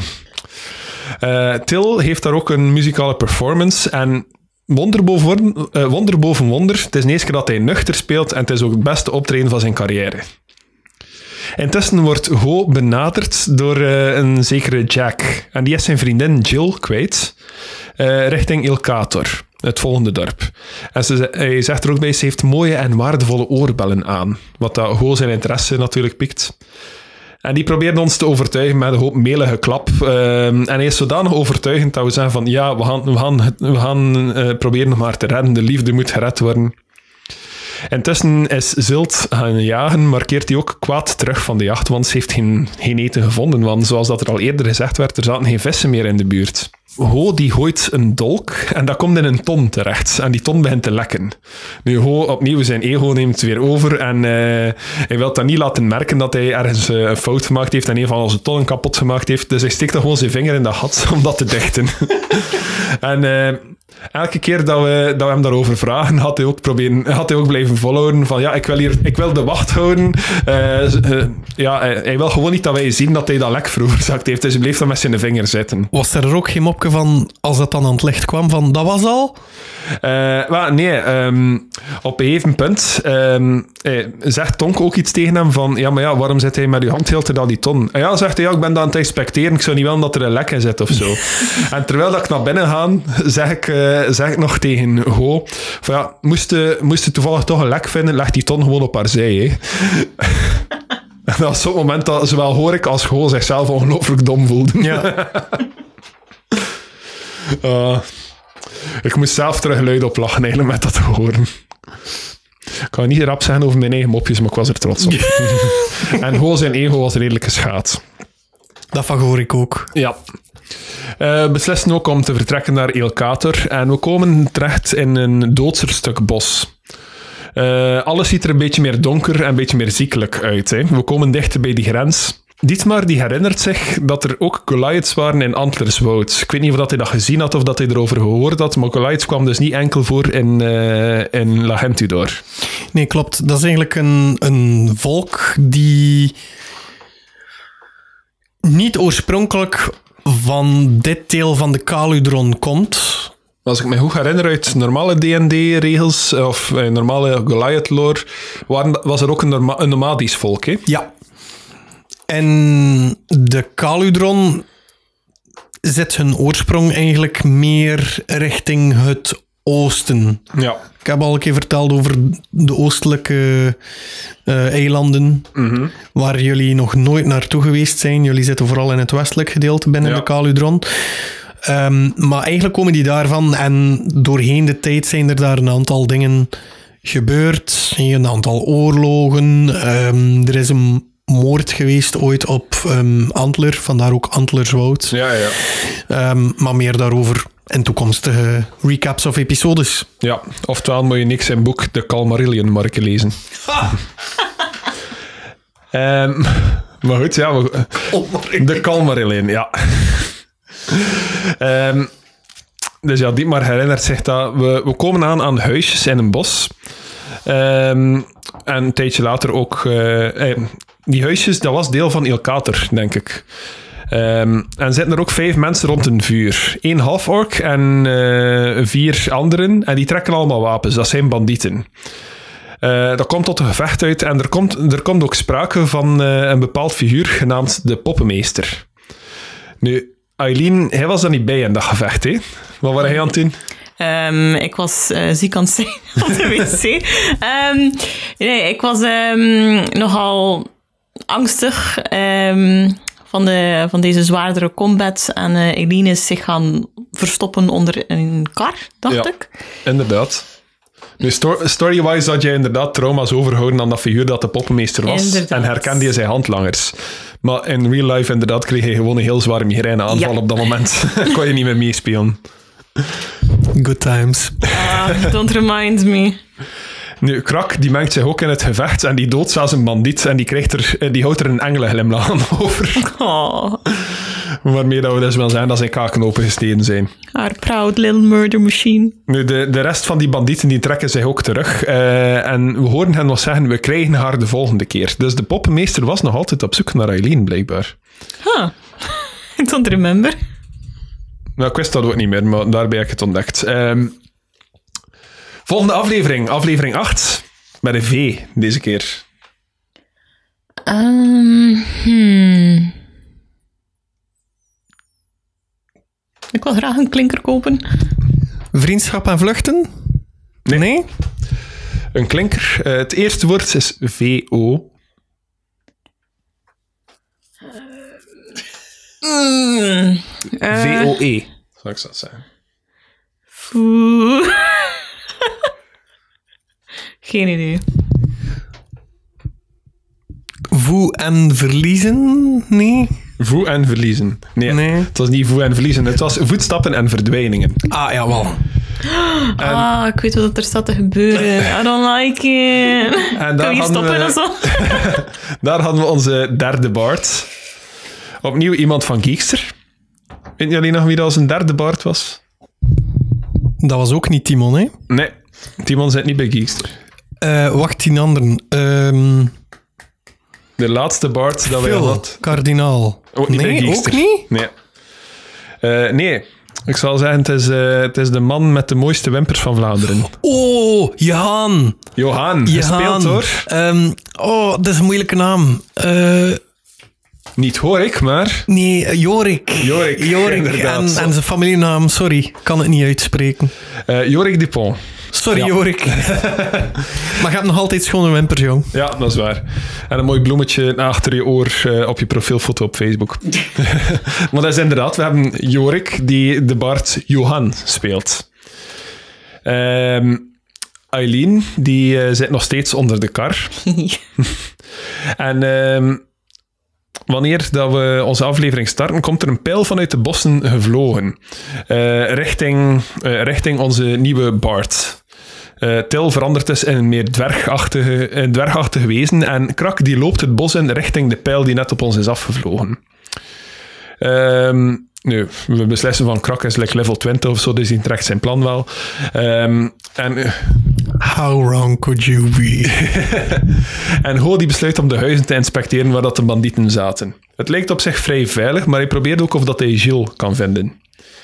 In een van de huizen hoort hij effectief een stem van iemand die gekneveld lijkt te zitten en hij vindt daar een vastgebonden vrouw, die inderdaad Gilles is. En die is niet happy dat Jack iemand gestuurd heeft. Ze zegt dat Jack haar verkocht heeft aan de handlangers van de poppenmeester. De poppenmeester die wou haar, blijkbaar. Nu, Eileen die vertelt daar ook eh, dat ze de popmeester kent, maar blijkbaar kent iedereen van ons een stukje legende. Want iedereen van ons had in de week ervoor een Facebook-berichtje gekregen van, van Nick met wat we wisten over de poppenmeester. Ehm, Wordt dat zo verteld in de episode ook? nee, Ah ja, oké. dat is even meta.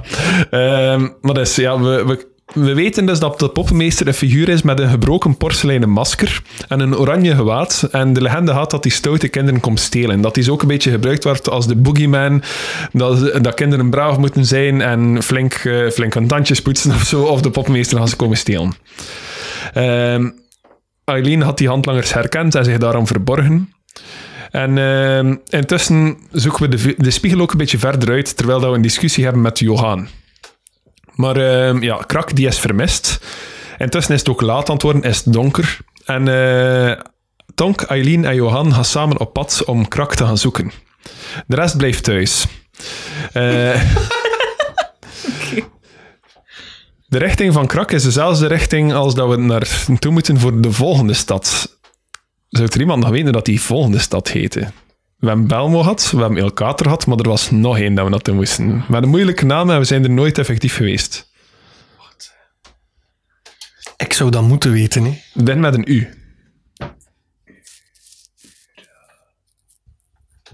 Ural? komt in de buurt. Het is Urnal nu. Urnal nu, ja. Ja. Maar ja, plaats dat we volgens mij dus nooit geweest zijn, daar wordt niet echt veel over weten. Uh, ja, wil je iets zeggen, Nick? Nee, anders geef ik weer te veel spoilers. Oké. Ehm, maar dus ja, ehm, we gaan de richting van Urnal nu uit om hem te zoeken. Daar vinden we ja, dat de natuur hoe dichter dat bij die grens komen, meer en meer dood is. En met behulp van een lantaarn en een light cantrip verlichten we ons pad een beetje. Maar het enige dat we vinden is een rat. Dan gaat het verhaal eigenlijk terug naar Go en Gilles, ehm, ja, die vertelt is van Jack heeft mij verkocht met de belofte om mij terug te halen nadien. Jack blijkt nogal een asshole te zijn. En Go die wil graag haar oorbellen stelen, maar is in tweestrijd omdat hij ook sympathie heeft voor haar. De halsketting die Jack hem gegeven heeft, heeft hij dan ook terug aan, aan Jill. En uh, Ho flirt, maar Jill wijst hem af. Ze noemde hem een beetje te oud. en dan zat, hoor ik daar een beetje heel ongemakkelijk van. Oei, ik, ik heb nooit gevraagd hoe oud dat zij was of zo. um, ik weet eigenlijk wat niet meer wat dat we ons moesten voorstaan bij Jill. Of dat hij echt nog uh, schandalig jong was voor, hoor ik om, daar, uh, voor om daarmee te flirten. Of, Laat het ons houden op, ze was te jong. Ze was te jong, ja. Oké. Okay. Um, Dietmar die was de wacht aan het houden, maar die viel ook onmiddellijk in slaap. Heeft daar zelfs geen check voor gerold. Philippe heeft gewoon gezegd van Dietmar houdt de wacht, maar valt in slaap. en uh, de search party die keert zonder succes terug. Want die rat gezien, ratten zijn meestal een slecht omen en we zijn gevlucht. Dus uh, ik weet nog dat, dat we zo toekwamen en dat Tonk zo direct zegt van ja, we hebben een rat gezien en we werden bang en nu zijn we terug. Johan die brengt ook nog een, een gedicht over de poppenmeester op dat moment dat ons ook nog een beetje duidelijk maakt van pas op kindjes, moet braaf zijn of de poppenmeester komt. We gaan slapen en iedereen deelt ook een droom. Uh, eenzelfde droom. In een dorp vol bomen, waar dat we een kleine slapeloze Eileen zien. Twee halforks en een figuur in een oranje mantel met een kap over zijn face. De poppenmeesters handlangers zijn aan het onderhandelen over kinderen in het dorp kopen. En twee nachten later zou Eileen moeten vluchten hebben, maar alles werd zwart toen er een halfork bij haar stond. En dan worden we wakker uit onze droom. En Jill, die is weg. En wij beslissen van ja, nu bij daglicht gaan we terug richting Urnal nu gaan. Gaan we krak gaan zoeken. Maar een keer dat we buiten komen, zien we dat de koets weg is. Want onze wachter was in slaap gevallen. En Ho die vindt ook nog een half stuk perkament met een stiplijn op. En dat lijkt op een schatkaart. En dat was het einde van aflevering 8. En we zijn naar de climax van ons seizoen toe aan het gaan, jongens. We hebben nog twee afleveringen te gaan. En ik zal zeggen, het was niet, het was niet makkelijker om naar te luisteren deze keer dan om het oh. mee te maken. Volgende alliteratie is met een K. Wie wacht er in een hok? Sowieso is het met Krak. Nee. Krak heeft nooit in een titel gezien. Tju.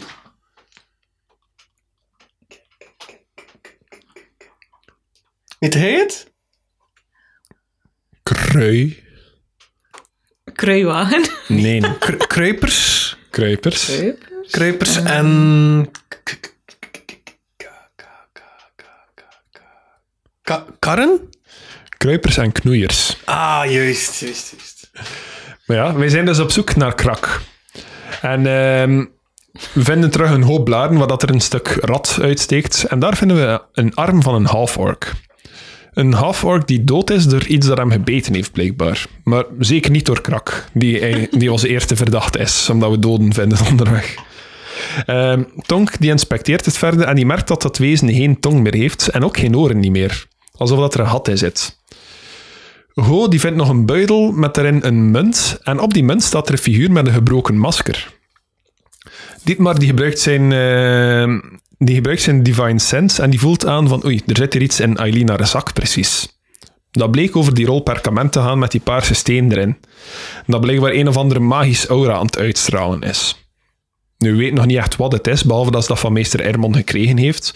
Maar dat is het enige dat, uh, dat hij maar hier aanvoelt. We gaan verder en langs de route zien we om de zoveel meter zo dezelfde figuur in de verte staan, precies. Als een paal met erop een halfrond voorwerp. Um, die stijgt even op om de omgeving te inspecteren en hij zegt van om de zes meter zien we terug een paal met, ja, we zien intussen een schedel dat erop staat. En daarachter is de, is de pikdonkere grens waar we over gehoord hebben. Ook achter die lijn zien we dat de grond zwart kleurt en ja, dat alles eigenlijk gewoon zwart kleurt erachter. Um, maar we gaan door en plots horen we geritsel uit een van die schedels. Eileen had dat inspecteren. En wat kwam er daaruit, Eileen? Ehm, ja, The Stuff of Nightmares, hè. The Stuff of Nightmares, ja. Hoe zou je dat omschrijven? Ehm, een groot ehm Duits, uh, duizendpootachtig wezen. Met... Of dat hij Duits is, dat weet ik ja, sorry, dat was een verspreking van mij. Um, en ik dacht dat hij één groot oog had. Dat is zo'n beetje galaxy-achtig, swirls of zo wat. Ja, inderdaad. Ja. Um, maar heeft het wel als een miljoenpoot. Dus hij zat er wel... Hij had één duizendste ervan benoemd. maar inderdaad, ja, een galaxy-achtig wezen. Leuk dier, weet je. Wat is het verschil tussen een duizendpoot en een miljoenpoot? Meer poten, I Ja, klopt. Een duizendpoot heeft één paar poten per segment en een miljoenpoot heeft er twee paar, dacht ik. Oké. Bij deze. Ja. Heel nuttige info. um, Tonk die is gefascineerd met, uh, met dat wezen. Hij steekt er ook zijn poot naar uit. Um, nu, dat wezen probeert Tonk aan te vallen en Ho kan er gelukkig nog snel een pijl doorjagen. Ook uit de andere vijf schedels in onze buurt komen er gelijkaardige wezens. En uh, wij zijn under attack en ook heel slecht in initiative rollen. Tonk die gaat neer. Uh, is voor de eerste keer bewusteloos. Hij had ook maar 10 hitpoints. Maar hij wordt wel gered door Eileen en Ditmar. We slagen erin om de wezens te doden zonder verder verliezen. Maar Krak die is dus nog steeds vermist. En dat was al het einde van aflevering 9. Waardoor we overgaan naar aflevering 10. Een alliteratie met een W. Een aflevering die ons ook allemaal heel zwaar getraumatiseerd heeft. Nick, um, iemand die nog een hok wil wagen. Laatste alliteratie, laatste kans om te tonen dat jullie onze titels onthouden. Um, w.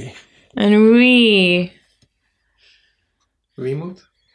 Geen weemoed, nee. Nee. Wezens, nee. Geen wezens en geen weg. Oh, wat hè. Die moet je toch weten. Waan... Waanbeelden? Nee? Dat komt in de buurt, maar het zijn geen waanbeelden. Waanzin. Ja. Waanzin. Het is juist... En... Wacht hè. Waanzin en... Waan... Zin en allee. Larissa, Larissa, help mee. Ik ben meegaan. Uh, waanzin en www, World Wide Web. Uh, ik ga gewoon dingen zoeken. Wonderland. Wat zie ik hier nog allemaal? In ja, Waanzin en Wonderland, dat was het. dat ging eigenlijk wel nog een schone titel geweest zijn. Um, Waanzin en wa... wa... Waanzin en wegflitsen? Waanzin, waanzin en wendingen. Ai. Maar dat is wel net de insecten overleefd. Door een beet dat hij ervan had, is Tonk verlamd. En Ho en uh, Diermar, heb ik hier geschreven, die, die doen enkele te vergeefse pogingen om hem wakker te maken. Uh, Aileen, die, die herkent het en zegt van die heeft gewoon rust nodig. Nu, um, de twee ogen van Kutjul die staan nog altijd aan de lucht. Zoals dan ik dat juist al zei, gewoonlijk is dat één morgens en ander s'avonds, maar nu al heel dit avontuur staan ze tegelijk aan de lucht. Uh, we moeten ook allemaal terugdenken in deze aflevering aan de kleine tovenaar die ons allemaal eigenlijk die een boodschap gegeven heeft.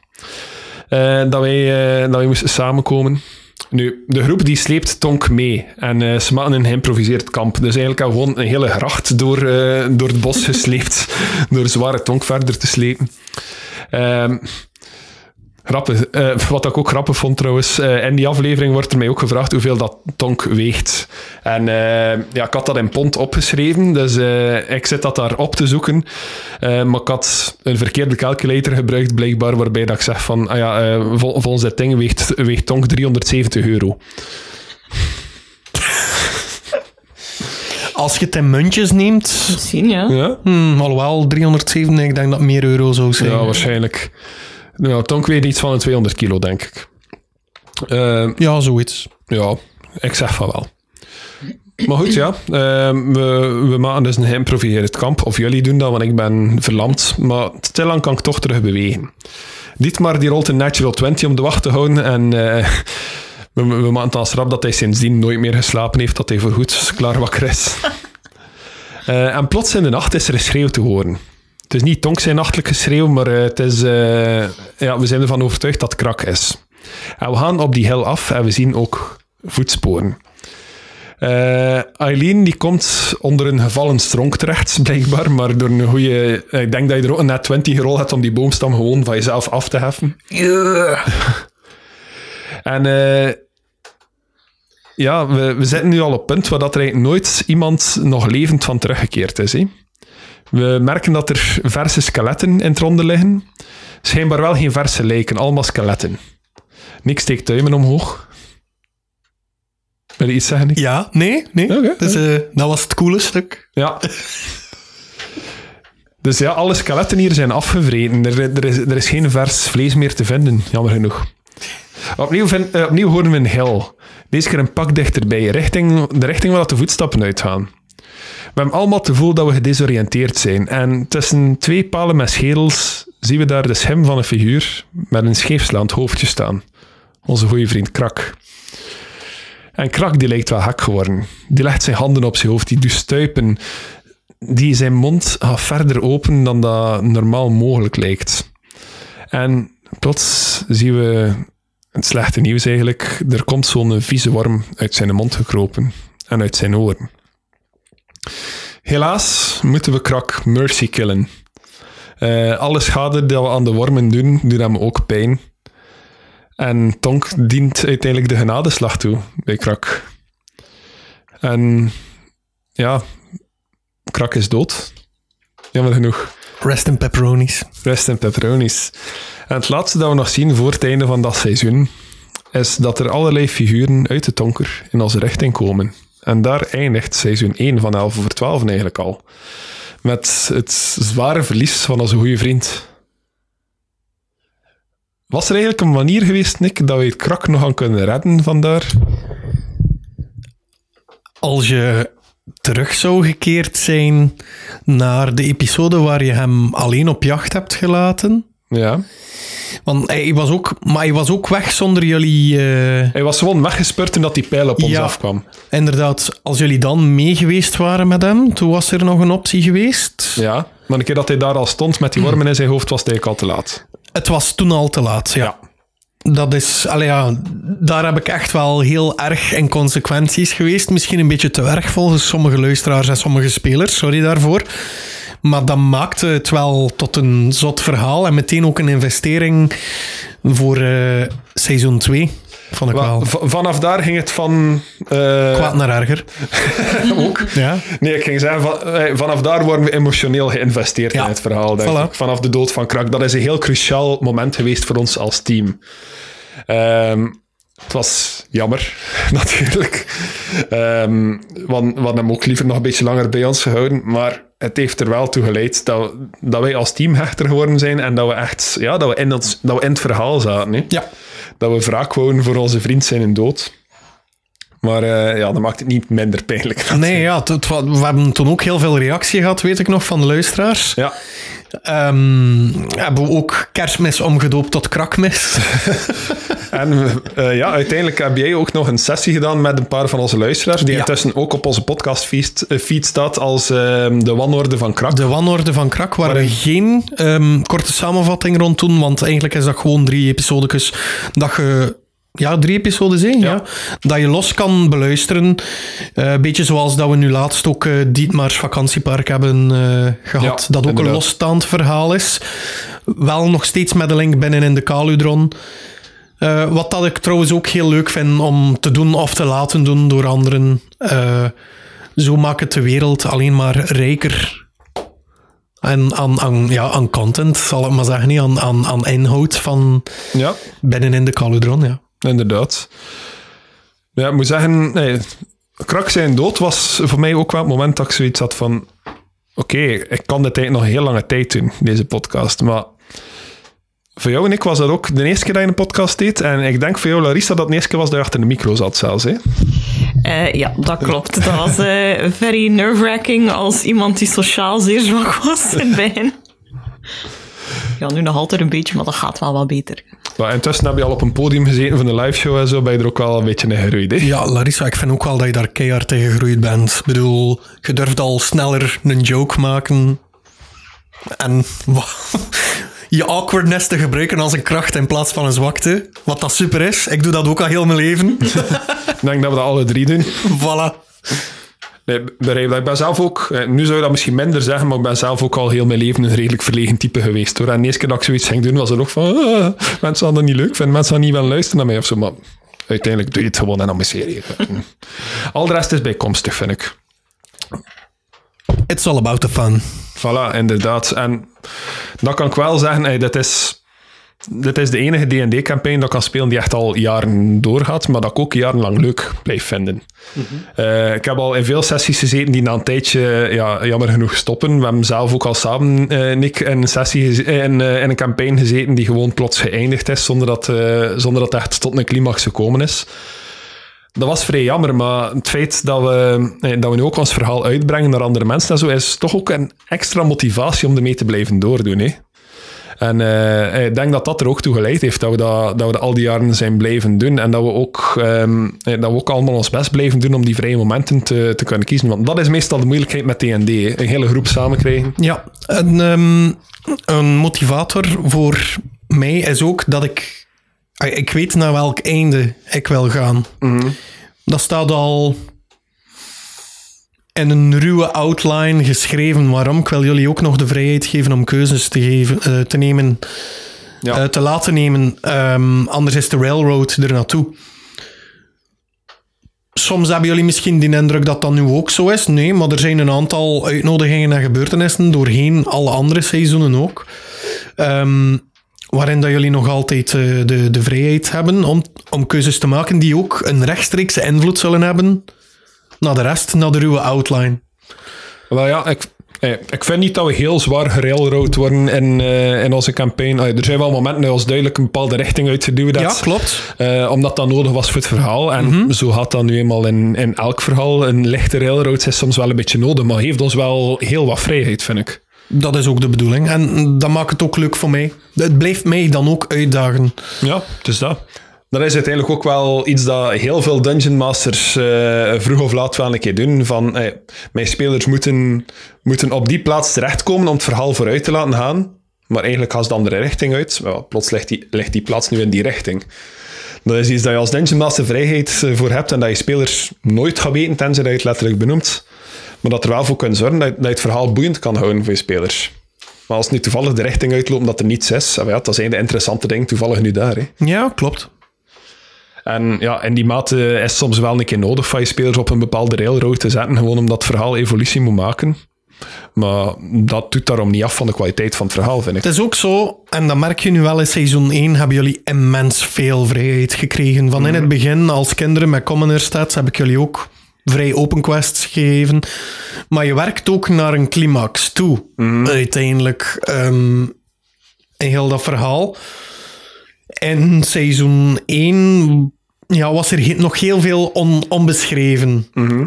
Maar net alsof dat je bij de, de, de level 0 afleveringen, zal ik maar zeggen, um, toen dat jullie kinderen waren, beslissingen hebben gemaakt die geleden hebben tot jullie klasse, worden er doorheen alle seizoenen eigenlijk beslissingen gemaakt die ook leiden tot, tot het einde. Ja. Maar dan moet je daar ook wel geraken, natuurlijk. Tuurlijk. En dat kan je alleen maar weten door ofwel te luisteren naar de, naar de recaps die we nu aan het maken zijn, of naar alle volle episodes, afhankelijk van hoeveel tijd je hebt. Ja, het is dat. En uh, deze recaps zijn aan de andere kant ook nuttig voor de mensen die, die de afleveringen wel al kennen, maar die gewoon nog een keer wel opgefrist worden ja, of zo. klopt. Uh, in deze zijn we redelijk volledig geweest. Ik weet niet of de alle toekomstige recaps uh, hetzelfde formaat gaan, gaan aanhouden. Jans, in alle eerlijkheid, als ik seizoen 5, wat een, eigenlijk een dubbel seizoen is, mm -hmm. zo zou moeten uitbrengen, dan kunnen ze zo goed naar alle episodes luisteren. Ja, voilà. Dat is juist. Uh, want er net ook over. Bij seizoen 1 is dat haalbaar, bij toekomstige seizoen toch iets minder. Klopt. En nu, voordat we dit seizoen volledig afsluiten, wil ik juist nog aan jullie alle twee vragen. Wat, wat was voor jullie eigenlijk het moment dat je dat klikte met EVT? Dat je echt iets had van, ja, dit blijven we doen. Wat ben je, Larissa? Hmm, moet ik eventjes terugdenken. was al sowieso ergens vroeg in het begin. Je bent um, onder lichte dwangen gestapt van, uh, van je toenmalige baas? Uh, nee, eigenlijk niet. um, ik, um, ik had al licht interesse in D&D en ik vond het een heel cool concept. Ik ben altijd een grote fantasy fan geweest. Ehm, ik denk wel dat ik al een paar keer had gespeeld, maar dan in andere campaigns. Dat waren meestal one-shots. Ehm, natuurlijk, het opnamen, hele gebeuren er rond was wel very stressvol. Um, maar allee, dat is allemaal wel goed gekomen. Um, ja, de eerste moment dat ik echt dacht van, wow, dit is cool.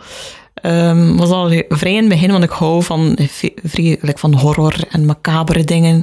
Dus um, als daar de, de, eerste keer die, ja, die dode vent tegenkwamen en dat hij dan weg werd, um, ge, ja, mee werd genomen door een van de boetjas. En ja. dan helemaal op het einde van aflevering 3 dat alles eigenlijk echt wel pure chaos was. Er werden mensen um, aangevallen, um, grote klow, um, iemand van, ja, ik denk dat dat dan daar was dat Thanos Dunderblage eigenlijk zichzelf heeft opgeofferd en in twee werd gesneden. Dat zijn dingen dat ik super cool vind.